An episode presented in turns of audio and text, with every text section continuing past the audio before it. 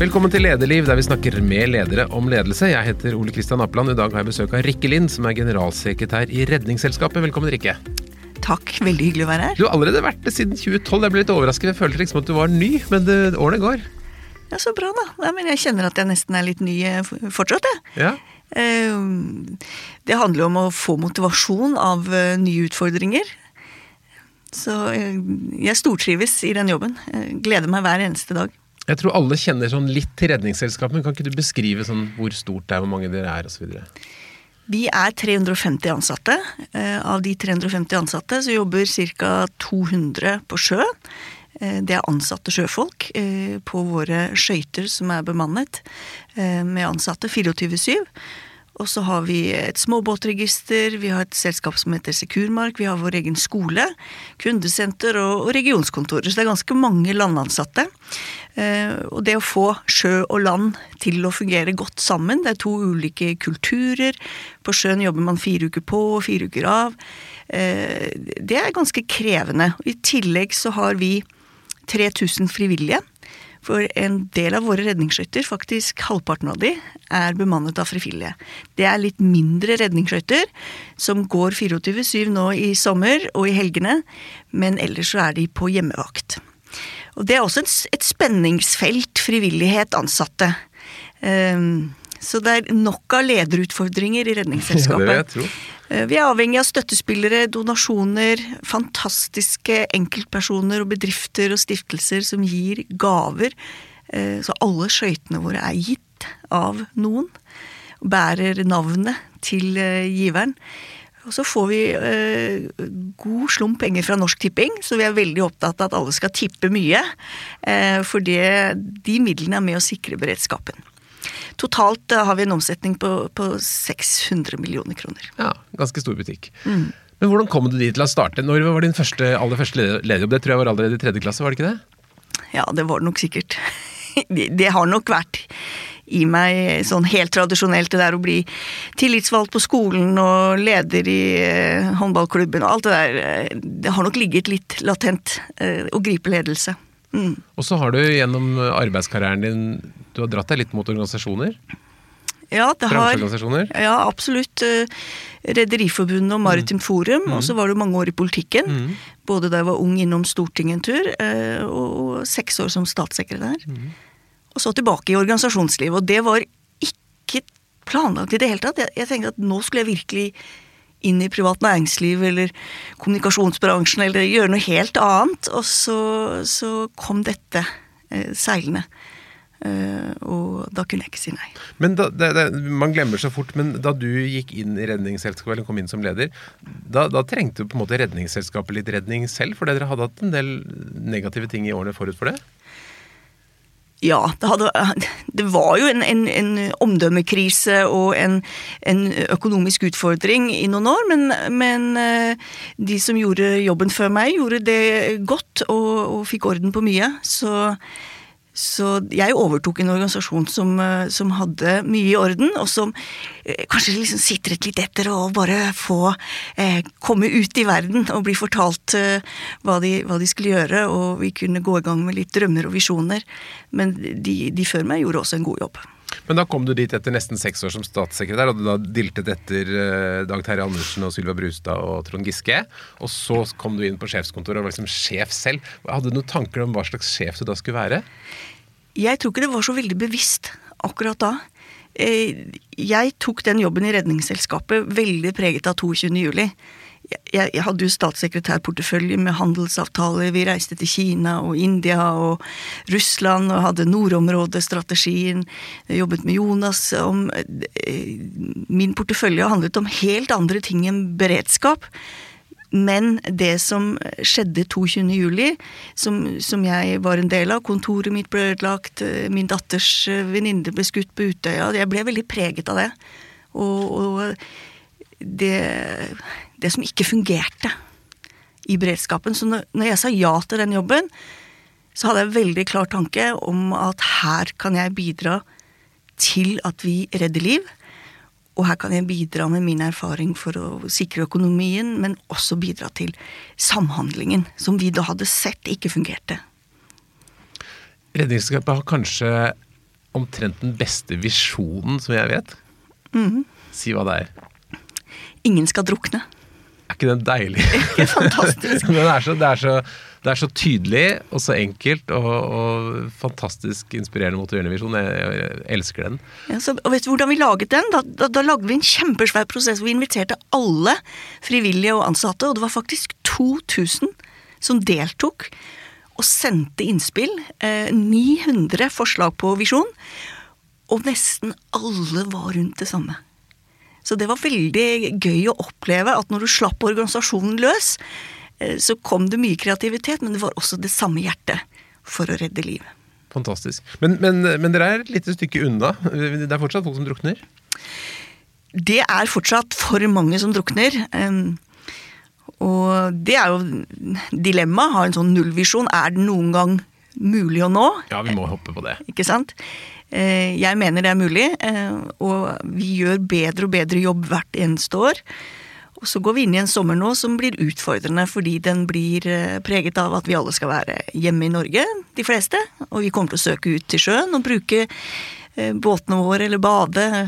Nyte. Det, er jo helt, det finnes jo ikke noe bedre. Nei, men Det er vel kanskje en utfordring at det kommer masse folk på sjøen som si, ikke burde vært der, eller kanskje ikke har så mye erfaring? Ja, og det er eh, en utfordring. I går kom jeg hjem eh, og gikk av Nesoddbotn.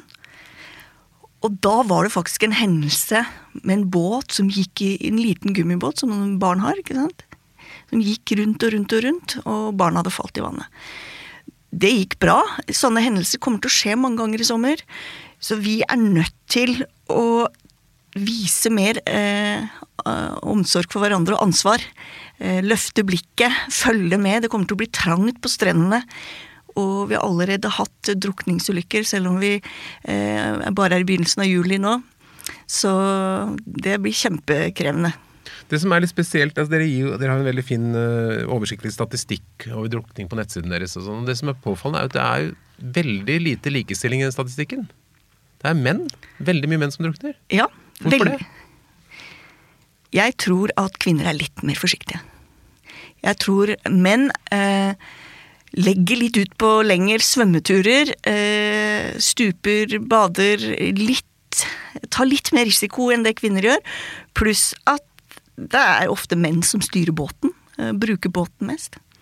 Men det kommer til å endre seg, det er jeg helt sikker på. For det, det var jo sånn det var med bil. Ikke sant? Det var alltid mannen som eh, kjørte. Min mormor kjørte ikke bil. Det var, det var farfaren min som gjorde. Så det, det Jeg tror det kommer til å endre seg. Men det er jo Det virker som mange ulykker er veldig håper å si, dumme. Altså Kunne det ganske lett vært unngått? Ja, det kan du si. Ehm, Så det å eh, Når du skal ut på tur, så må du faktisk planlegge turen litt. Eh, Du må sette deg inn i båten din, du må kjenne båten din. Du må vite at du har eh, nok eh, drivstoff, du må planlegge hvor du skal dra, du må sjekke at du har brannslukningsapparat, at du har kommunikasjonsutstyr. Ehm, Det er nesten det aller viktigste, og selvfølgelig redningsvest til alle som skal være med deg. Så det eh, er et stort ansvar du har som båtfører for de som skal være med på tur. Og så må du vise hensyn. Eh, Du er en del av et fellesskap på sjøen, og det kommer til å være mange myke trafikanter. Det er eksplosjon i, i myke farkoster, som vi kaller det. Eh, Og det krever at alle løfter blikket og ser rundt seg. Og tilpasser farten. Og hvis det er noe, tar ansvar. Vi har omsorg for hverandre. Eh, Særlig på strendene. Følger med. Men Hvordan er det i praksis skjer? Altså, hvordan, hvordan skjer varsling og, og, og utrykning? Og hvem er det som sørger for at dere kommer dit dere, hvor det skjer noe? Det kan du gjøre veldig enkelt. Hvis du har en mobiltelefon, så kan du eh, laste ned en app. Og på den appen kan du bare med tastetrykk sende en eh, melding til oss hvis du er i nød. Hvis du trenger assistanse, så kan du også eh, bruke den appen og tar kontakt med oss ved å ringe. Og assistanse er at da hjelper eh, profesjonelle folk i andre enden der på eh, hva du skal gjøre der og da. Det kan være rådgivning gjennom telefonen, eller man blir enig om at det kommer en redningsskøyte og, og hjelper deg. Mm. hvis du er i, i nød, så er det jo viktig å få den beskjeden gitt med en gang, og da, da kommer redningsskøyta full fart eh, til deg. Eh, eller nærmeste farkost. Det kan også være en politibåt eller en annen som kommer. Jeg har faktisk opplevd å bli reddet av redningsskøyter i fjor sommer. Det var ganske uh, fantastisk, fordi vi var ute og seilte, og det var natt, og uh, seilbåten gikk på grunn, og det begynte å lekke inn masse vann, og vi, det så litt stygt ut. Og så kommer den fantastiske båten med pumpeutstyr. og altså det var imponerende hva de hadde om bord. Kan du si litt om hva slags utstyr, hva slags kompetanse er det om bord i en redningsskøyte? Det er mannskaper som har masse kompetanse. De har eh, sertifikater som sjøfolk. I tillegg så har de en egen redningsmannsutdannelse som vi eh, gir dem på vårt senter. De har selvfølgelig livredning, førstehjelp, de har dykkersertifikat, de fleste av de. Så det er, eh, Og mange har vært hos oss i mange år. Så I tillegg til kurs og formell utdanning, så har de årevis med erfaring på å takle ulike situasjoner, og er trent til å gjøre beslutninger raskt. Hvordan er tilgangen? Er det, er det, mange som har lyst til å bli frivillig på redningsskøyter? Ja, dette var de ansatte som jeg snakket litt om nå. Mm. De frivillige eh, har vi litt utfordringer med. fordi at vi noen ganger har rednings, noen steder har vi redningsskøyter som ikke er så mange eh, mennesker Som bor. Ja, I Alta, i Brønnøysund. Ja. Eh, men her i Oslo er det kø. Mm. Og, og, i Stavanger er det lang kø. Så det er veldig forskjellig. Mm. Men også de frivillige er utdannet og trent eh, i vårt eget system. Der stilles det ikke krav om formelle eh, sjømannssertifikater, eh, fordi båtene er under 15 meter. Så der kan egentlig hvem som helst melde seg. Man trenger kystskippersertifikat, og så får man resten av opplæringen på vårt eget senter og våre egne mobile treningsteam. Så hvis du har lyst til å bli frivillig, så er det bare, det går an. Går an å sette seg på venteliste, eller kanskje kan du komme inn hvis det er ledig plass der du bor. Men den, dette med at vi har en så stor grad av um, Altså at en organisasjon har så stor grad av beredskapen Vi, vi, altså vi har jo politi og brannvesen og kystvakt og alt mulig annet rart. Er det, er det, vanlig i alle land at det finnes en, en en frivillig organisasjon som har et så stort ansvar? Det finnes eh, tilsvarende vår organisasjon i de fleste andre europeiske land. Men det er ingen som har så mange ansatte som det vi har. Det som er helt spesielt med eh, vår modell, det er at vi har eh, fast ansatte sjøfolk og større redningsskøyter. Og det handler om at vi har verdens nest lengste kyst. Og den er eh, røff eh, mange steder. Og det er ikke slik at vi kan eh, ha små redningsskøyter, og det er ikke tilgang på frivillige eh, mange steder på kysten. Så det er vår natur og vår beliggenhet som har gjort at den modellen vi har i Norge, har vokst fram. Og det har utviklet seg over ganske lang tid? Vi er 128 år gamle. Fantastisk. Mm. Og voksne? Vi er voksne, vi har vokst veldig mye, kanskje hatt litt voksesmerter noen år. For vi har ø, vokst med mange nye skøytestasjoner. Um, vi har utviklet vår eget senter. Vi har hatt en periode med mye kreativitet og innovasjon og prøveskuddordninger og, og, og mye nytt uh, i organisasjonen. Og det har gjort at vi nok har litt voksesmerter, så nå har vi litt ro og prøver å konsolidere oss og, og få, få, ro rundt de tingene. De som har barn, kjenner vel kanskje særlig Redningsselskapet gjennom denne Elias? Som vel må ha vært en kjempesuksess for dere? Ja, er ikke den søt? Mm. En fantastisk liten, herlig figur. Ja, Jeg elsker den fortsatt, selv om uh, ikke, den går ikke på TV hos meg lenger nå. Men uh, det er helt enig og det, det, er, det, skaper kunnskap, entusiasme, interesse for sjøvett. Og denne lille båten den putrer rundt uh, og har arrangementer. Så det er vi veldig glad for. Og nå jobber vi også med å digitalisere den og få tilbud til barn og unge online, og vi har et eget medlemskap. Men all denne aktiviteten, altså, hvordan finansieres det? Du fikk litt fra tipping, sa du, men det er vel kanskje ikke bare derfra? Det er først og fremst innsamling og givere. Og så får vi bevilgning fra staten over statsbudsjettet. Vi har vært heldige og fått økte bevilgninger under eh, denne regjeringen, så det er vi veldig fornøyd med. Um, men vi er helt avhengig av eh, enkeltpersoner som kjøper eh, ting vi selger i nettbutikken vår, eller eh, lodder, eller kalendere, eller rett og slett bare er givere. Og er støttegivere hver eneste måned. Det er ganske mange som er det.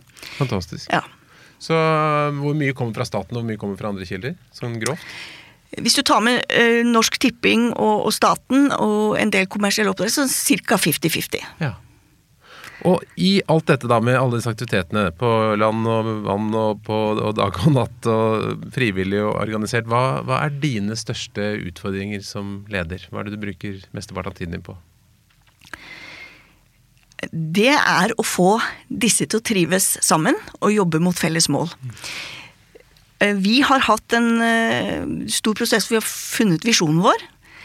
Og det å få alle til å trekke sammen og jobbe mot denne visjonen, og trives på jobben, og utvikle nye produkter, det er det viktigste. Men nå har vi jo vært gjennom en krise, eh, og da har jeg brukt 90% av tiden min på å snakke med folk, støtte folk, eh, og støtte ledere.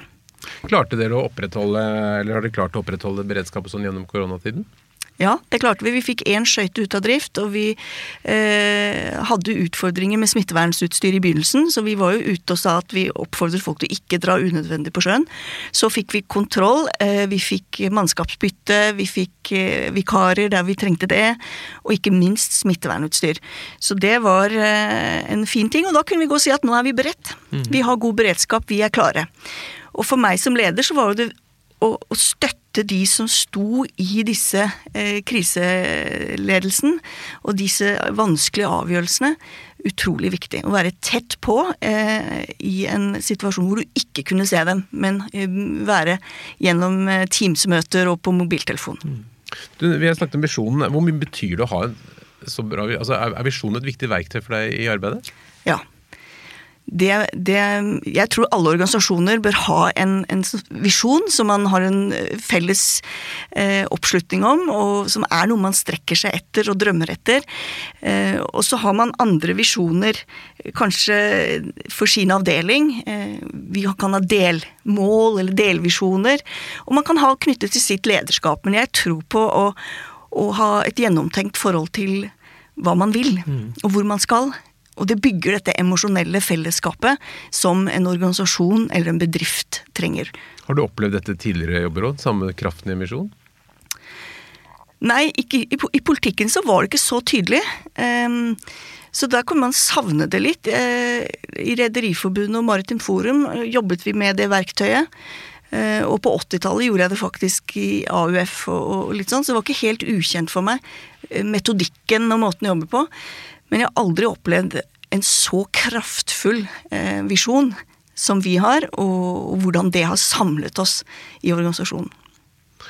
Du nevnte politikk. altså Mange ledere som er her i lederlivet, har bakgrunn fra politikk. Hva tenker du det, gir å ha vært i politikken før man kommer inn i en lederstilling? Jeg tror det gir veldig god emne til kommunikasjon. fordi at politikere helt fra du er ung, eh, må eh, kommunisere veldig enkelt og lett. Eh, og man blir veldig fokusert på mottakeren. Så man lærer seg gode kommunikasjonsverktøy, eh, og det er viktig som leder.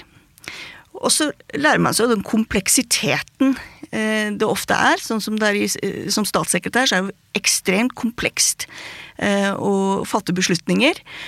Og mange ledere sliter med å fatte nettopp beslutninger, men det tok jeg med meg som en god erfaring fra politikken at man må ta beslutninger. Og noen ganger så er man ikke helt 100% men bunken vokser.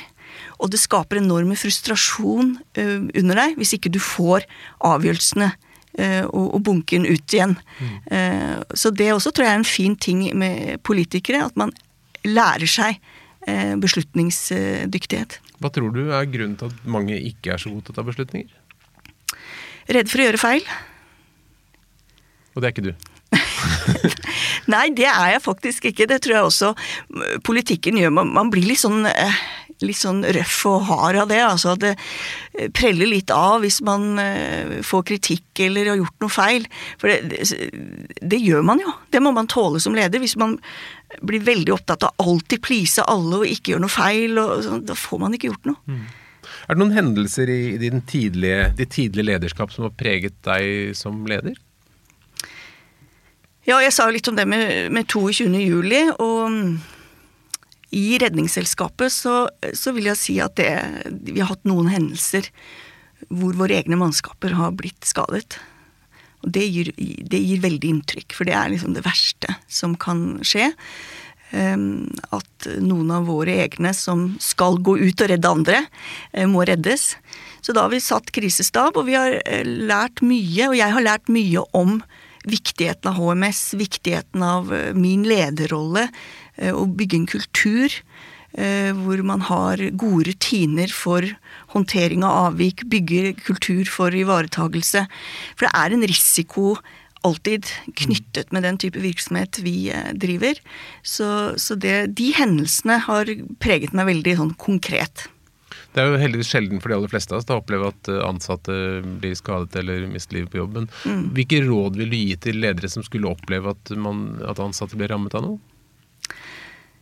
vær tett på med en gang. Ikke, ikke forsvinn bort, ikke gjem deg bort. Vær tett på med en gang. Snakk selv med pårørende.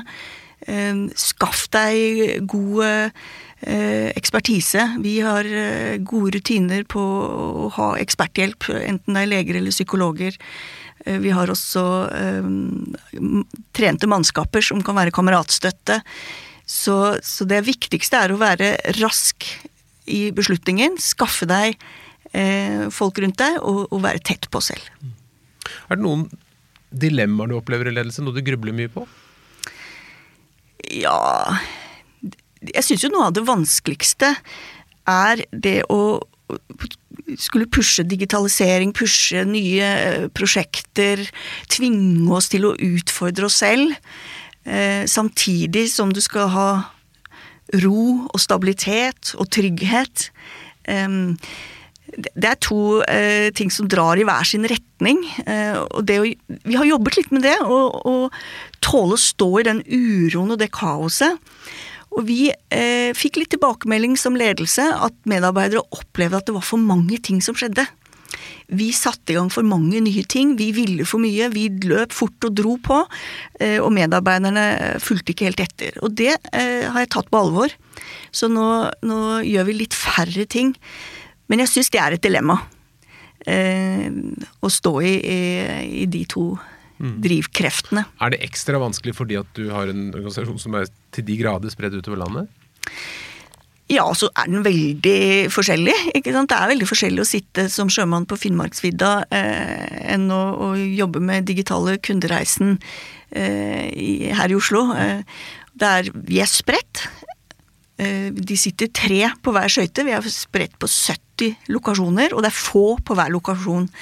Det gjør det utfordrende som leder å få samlet eh, kommunikasjonen og fått samlet dialogen med dem. Mm. Der syns jeg disse digitale øvelsene vi har vært gjennom de siste månedene, har vært stor hjelp. Eh, og jeg tror vi kommer til å bli mye flinkere til å lede gjennom de digitale flatene, og vi har allerede blitt det. Så det blir færre flybilletter på deg? Det blir færre flybilletter. Um, og, det å være tett på å ha møter og Skype-møter med tørn eh, på et båt, på en skøyte, uh, er mye lettere og mye bedre kultur for nå. Så, um, men det er utfordrende som leder, det er det absolutt. Uh, når man er, man er i forskjellige kulturer, og det får bygget det sammen til ett RS, som jeg har gjort til mitt eh, eh, varemerke, og en sånn visjon for mitt lederskap. At vi skal bygge en kultur hvor det er ett RS. Eh, og det, det, jobber jeg med. Mm. Hvis vi ser fremover, altså den, den, den, fantastiske frivilligheten både på, og folkets vilje både til å stille opp som frivillig, men også til å gi penger og samle inn ting og alt mulig sånn. Det, hvilken vei går det? Opp, altså vi, vi, kommer jo fra en tradisjon med sjø, sjøredningsforeninger, altså mye sånn rundt dette. Er det noe vi kommer til å opprettholde? Kan vi satse på frivillighet også i framtiden? Ja, det tror jeg.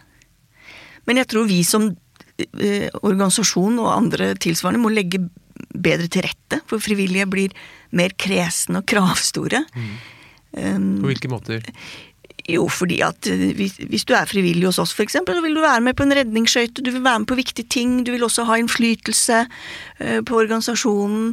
Uh, du, du, det er ikke bare noe man liksom kan si ja, nå er det frivillige som ordner det, eller den tid hvor man står og steker vafler og, og samler inn penger. Det er ikke sikker på om det er fremtiden. Jeg opplever at frivillige vil være med å gjøre en forskjell. De vil gjerne være med å oppdra barn og unge utvikle digitale løsninger. Eh, frivilligheten fins på, på, mange felt. Det kan være advokater som ønsker å gi frivillige timer. som bistand. Men at de heller altså Mye viktigere enn å være på en dugnad og, og holde basar, mm. så er det å få lov å gjøre noe verdifullt og bety en forskjell konkret. Så frivillig krever på en måte mer meningsfullt arbeid? Ja. Og det prøver vi å, å legge til rette for nå, og reorganisere litt frivilligheten vår. Eh, fra redningsforeninger mer over i frivillig land, som har en helt annen rolle enn redning, de tradisjonelle redningsforeningene har hatt. Mm. Men der hjelper det også digitale mulighetene til å kanskje organisere bedre? Ja. Og ikke minst unge kan delta på, på helt andre måter og flater. Så det mm. er kjempemorsomt. Så vi har akkurat lansert nå noe TikTok, hvor det er noen frivillige som skal snakke til ungdom om sjøvett. Så det, det, å tenke frivillighet eh, på alle deler av samfunnet, ikke bare det tradisjonelle, har vært viktig for oss. Du, du har jo sikkert da eh, mange forskjellige prosjekter, mange baller i luften, og det er høyt og lavt. Hvordan, hvordan prioriterer du? Hvordan, hvordan organiserer du dagen din og uka di på en måte som funker for deg? Det er veldig styrt ut av litt sånn faste eh, møter som vi har. Eh, ledermøter, stabsmøter, vi har beredskapsbrief. Ellers så er det viktig for meg å være tett på lederne, og jeg har en stor ledergruppe. Da kan det variere litt. Jeg kan si at Nå jobber jeg veldig mye med eh, lederen for marked på å utvikle noen eh, kundebehandlingssystemer. For vi går inn i en kjempekrevende sommer nå. Vi har litt for, for eh, lang ventetid for å få registrert båten. Da, da, bruker jeg veldig mye tid sammen med han for å støtte han eh, i å fasilitere prosesser. Eller det kan være en, eh, innenfor beredskap eller annet område. Jeg klarer ikke være tett på hele tiden, så jeg veksler litt ut fra hva er det eh, jeg senser at mine ledere har behov for, og hvor er det jeg med min eh, personlighet, med mine styrker, kan bidra til å utvikle og, støtte og hjelpe den lederen. Og så er jeg ute i organisasjonen. Jeg prøver å være ute minst én gang i uka. Eh, og det tar jo tid, men jeg får veldig mye igjen for det. Men nå, i de, de månedene vi har lagt bak oss, så bestemte jeg meg heller for å ringe. Så jeg har ringt 100 ansatte. Jeg gikk times tur hver dag. Så hadde jeg en sånn ringeliste. Så fikk jeg både beveget meg og fikk frisk luft, og så ringte jeg folk. Og du, så mye jeg har lært om hvordan folk har det, og hva de jobber med. Og hva vi kan gjøre bedre. Så det skal jeg ta med meg videre og være enda mer eh, tett på. Så du har vært ute og gått i, langs sjøen da, kanskje, ja, og ringt folk? Langs sjøen og ringt folk. Hver dag. Hva er det du har spurt om? Først, hvordan har du det akkurat nå? Så jeg spurte litt om rammebetingelsene uh, rundt det. Så jeg spurte hva jobber du med? Hva er det du holdt på med akkurat før jeg ringte? Det kan være veldig mange forskjellige ting. Og hva har du av motivasjon fremover? Er det noe vi kan gjøre for at du blir enda mer motivert? Er det noe vi som ledelse kan gjøre bedre? Lyttende. Og det medførte faktisk at eh, etter denne ringerunden så tok jeg opp i ledergruppen at nå sier 90% av de jeg snakker med, at de digitale flatene fungerer. De ønsker mer hjemmekontor. De vil ha eh, et liv hvor de har mindre stress. Veldig mange fortalte om denne stresset med reisingen. Toget som ikke kommer, køen på Drammensveien osv. Så, så Så da gikk vi i gang i ledergruppen, og nå landet vi eh, en, en, ordning hvor vi sier at 50% hjemme og 50% på kontoret. Hvis du ønsker det. Og alle møter skal som hovedregel være digitale. Hvor, trives, eller hvor er du selv mest effektiv? Er det hjemme eller på kontoret? Det kommer litt an på hva jeg skal gjøre. Jeg har blitt veldig glad i hjemmekontor. Jeg syns det er veldig effektivt. Fordi jeg kan eh, få denne tiden til, til, å ringe. Og så hadde vi eh, veldig gode ledermøter på Teams. Så hadde vi akkurat nå eh, hatt ett eh, eh, hvor vi satt sammen igjen. Og da ble det en sånn felles refleksjon over hvor mye eh, mer småprat, hvor mye mer ustruktur det ble. Og så er det viktig også. Jeg tror for det å møtes, det er noe med energien å kjenne på. Men vi var alle sammen enige om at eh, vi fra høsten av så kjører vi eh, hovedregelen digitale, og så fysiske møter en gang iblant. Denne eh, visjonen deres om at ingen skal drukne, skal, det, er, veldig fint. Men, men, samtidig så dere lever jo litt av at det er litt dramatikk. Hvis det ikke hadde vært noe dramatikk på sjøen, så hadde du jo mistet hele berettigelsen deres. Er det, er ligger det en dilemma der? Eh, det oppleves ikke sånn, fordi det er så utfordrende å nå den visjonen. Det er så langt unna. Så foreløpig så er det veldig mye engasjement rundt det. Og, og, nå er vi i gang med nye prosjekter nå i sommer for å komme nærmere den visjonen. Så vi har nå kampanjer mot alle eh, de som har kjøpt det vi kaller myke fartøyer, altså kajakker, kiter, standup paddleboard, eh, alle disse nye fantastiske enkle og billige tingene for å komme seg ut på sjøen. Og de er utsatt? De er utsatt, og, og, mange av de har kanskje ikke tenkt gjennom kommunikasjonsutstyr, eh, hvordan de skal få hjelp. Eh, og det blir eh, konflikt mellom eh, raske småbåter eh, og, disse. De er litt i samme område. Mm. og vi har, har, stadig diskusjoner, men, men, det jobber vi med nå. Hvordan, hvordan, skal vi ta Nå er vi i inngangen til sommerferien. Hvordan skal vi få disse til å, å sikre seg? Og så vi, har vi et prosjekt på, som er rettet mot innvandrerkvinner med barn, som ofte er litt redde for vann.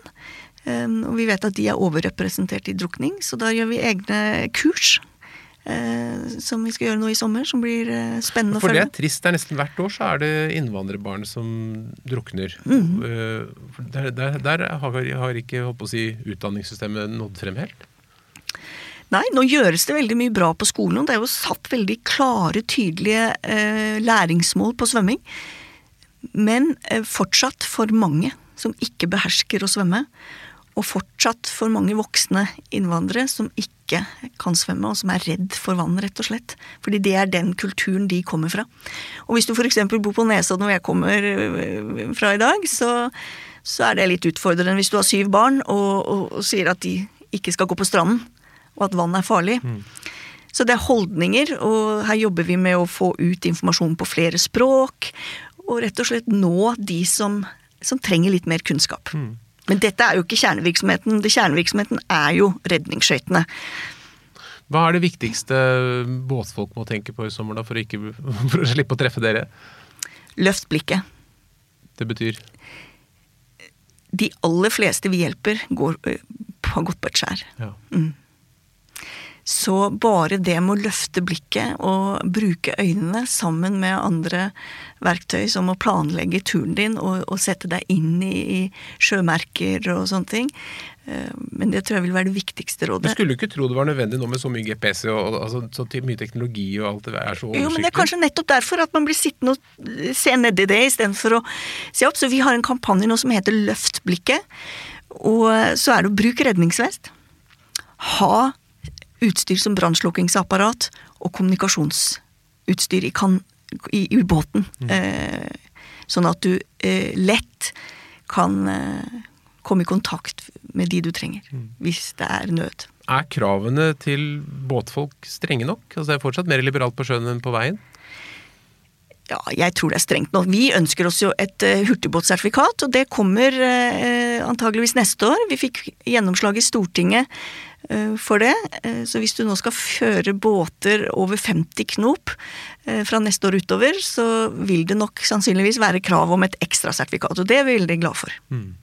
Men jeg tror vi kunne sikkert hatt krav om dødmannsknapp, andre ting. Det er vel stadig diskusjon om, men i det store og det hele så har vi gode nok rammer nå. Det handler om at hver enkelt må ta ansvar. Skaffe seg innsikt i båten sin, hva man trenger av kompetanse i, for å føre akkurat den båten. Det er veldig forskjellig For om du skal ha en liten um, daycruiser som går i, i, sakte fart, eller om det er en stor havseiler. Det stiller helt andre krav. Mm. Hva med alkohol? Er det, en, er det alkohol i mange av ulykkene? Ja, det er det. Og vi anbefaler at du skal være edru når du fører båt uansett. Båtens størrelse eller fart. Vær mm. edru. For da, da, både reduserer man sjanser til fare for ulykker, og, og, og man øker sjansen for å overleve hvis noe skjer. Ja, mm. det er helt riktig. Og en del av disse badeulykkene er også folk som har drukket for mye. Det er altså det å hvis du f.eks. skal gå hjem fra fest, øh, så, så, klarer du det med litt promille, men, men hvis du på veien hjem legger ut på svøm det, det, Vann gjør noe, altså. Og, og, det er veldig krevende å klare å svømme hvis du er beruset. Og det går fort. Drukning er en, en forferdelig ting som går enormt fort. Så bading etter fest kan man være forsiktig med? Det bør absolutt unngås. Unngås helt. Hvis du er beruset, så anbefaler ikke jeg å ta det der nattbadet. Det er et uh, tydelig og godt råd. Helt til slutt, Rikke. Hvis det kommer en ung person til deg som vil bli en god leder, sier Rikke, jeg vil bli leder, jeg vil bli sånn som deg. Hva er de tre viktigste lederrådene du vil gi? Vær ærlig mot deg selv. Jeg tror den viktigste en leder gjør, er å kjenne seg selv. Å være ærlig med seg selv i sine styrker og sine svakheter. Fordi at hvis du kjenner deg selv godt, så klarer du også å tiltrekke deg riktige mennesker, gjøre riktige vurderinger. Så det er punkt én. Eh, kjenn deg selv. Og punkt to, ta tilbakemeldinger på alvor, og be om tilbakemeldinger. Vi har alle sett disse eh, veldig eh, flotte lederne, som flere av de utvikler litt narsissisme. Eh, og det å være leder handler om dialogen og ta justeringen. Sense hva som skjer nå. Be de rundt deg om tilbakemeldinger. Så det er råd nummer to. Vær aktiv i, i eh, å få tilbakemeldinger og, og justere deg. Og det tredje er å være modig. Man må være modig. Man må tørre å, å hoppe i det, legge ut på svøm, stå i det kaoset. Og jeg tror kanskje det er mer enn noen gang i dag, fordi at endringer skjer hurtig. Og, og det å tåle det, å slippe kontrollen og tåle å stå i kaos, eh, det er viktig. Hva er det modigste du har gjort i senere tid? Ja, det vil jeg si er det, det, det Nå var det kriseledelsen. Mm. Det å etablere en kriseledelse og gi slipp. Og ta rollen som at nå skal jeg være den som støtter beslutningene og har tillit til beslutningene, ikke gå inn og kontrollere selv. Det syns jeg var modig. Og så har vi gjort noen modige beslutninger med å gjøre et nytt digitaliseringsprosjekt med den digitale redningsskøyta. Det, det, kjente jeg at det krevde litt av oss som ledergruppe og meg som leder å, kaste oss ut i det. Skal du selv være på sjøen i sommer? Ja, det skal jeg. vet du. Det, jeg elsker å være på sjøen. Jeg ønsker deg en god sommer. Tusen takk for at du kom til Lederliv. Og riktig god sommer. Jeg har med en redningsvest til deg. Ah, tusen Ja, takk. Så jeg er sikker på at du eh, enten eh, blir reddet av oss eller noen andre, og da, da har du på deg Jeg håper å slippe å se redningsskøyta, for å si det sånn. For det var ikke så, det var, å komme i den situasjonen var ikke så gøy. Men redningsvest skal jeg love å bruke. Tusen takk. Veldig bra. God sommer. Takk. Lederliv er en podkast fra kommunikasjonsbyrået Apeland. Eh, De som er i redaksjonen er Ellen Paulsen, Lars Jarle Melum, Lars Bolden og meg, Ole Kristian Apeland. Og vi kommer hver uke med nysending på fredager. Hvis du har en eh, idé eller tips eller innspill til oss, så finner du mailadressen vår på lederliv.no.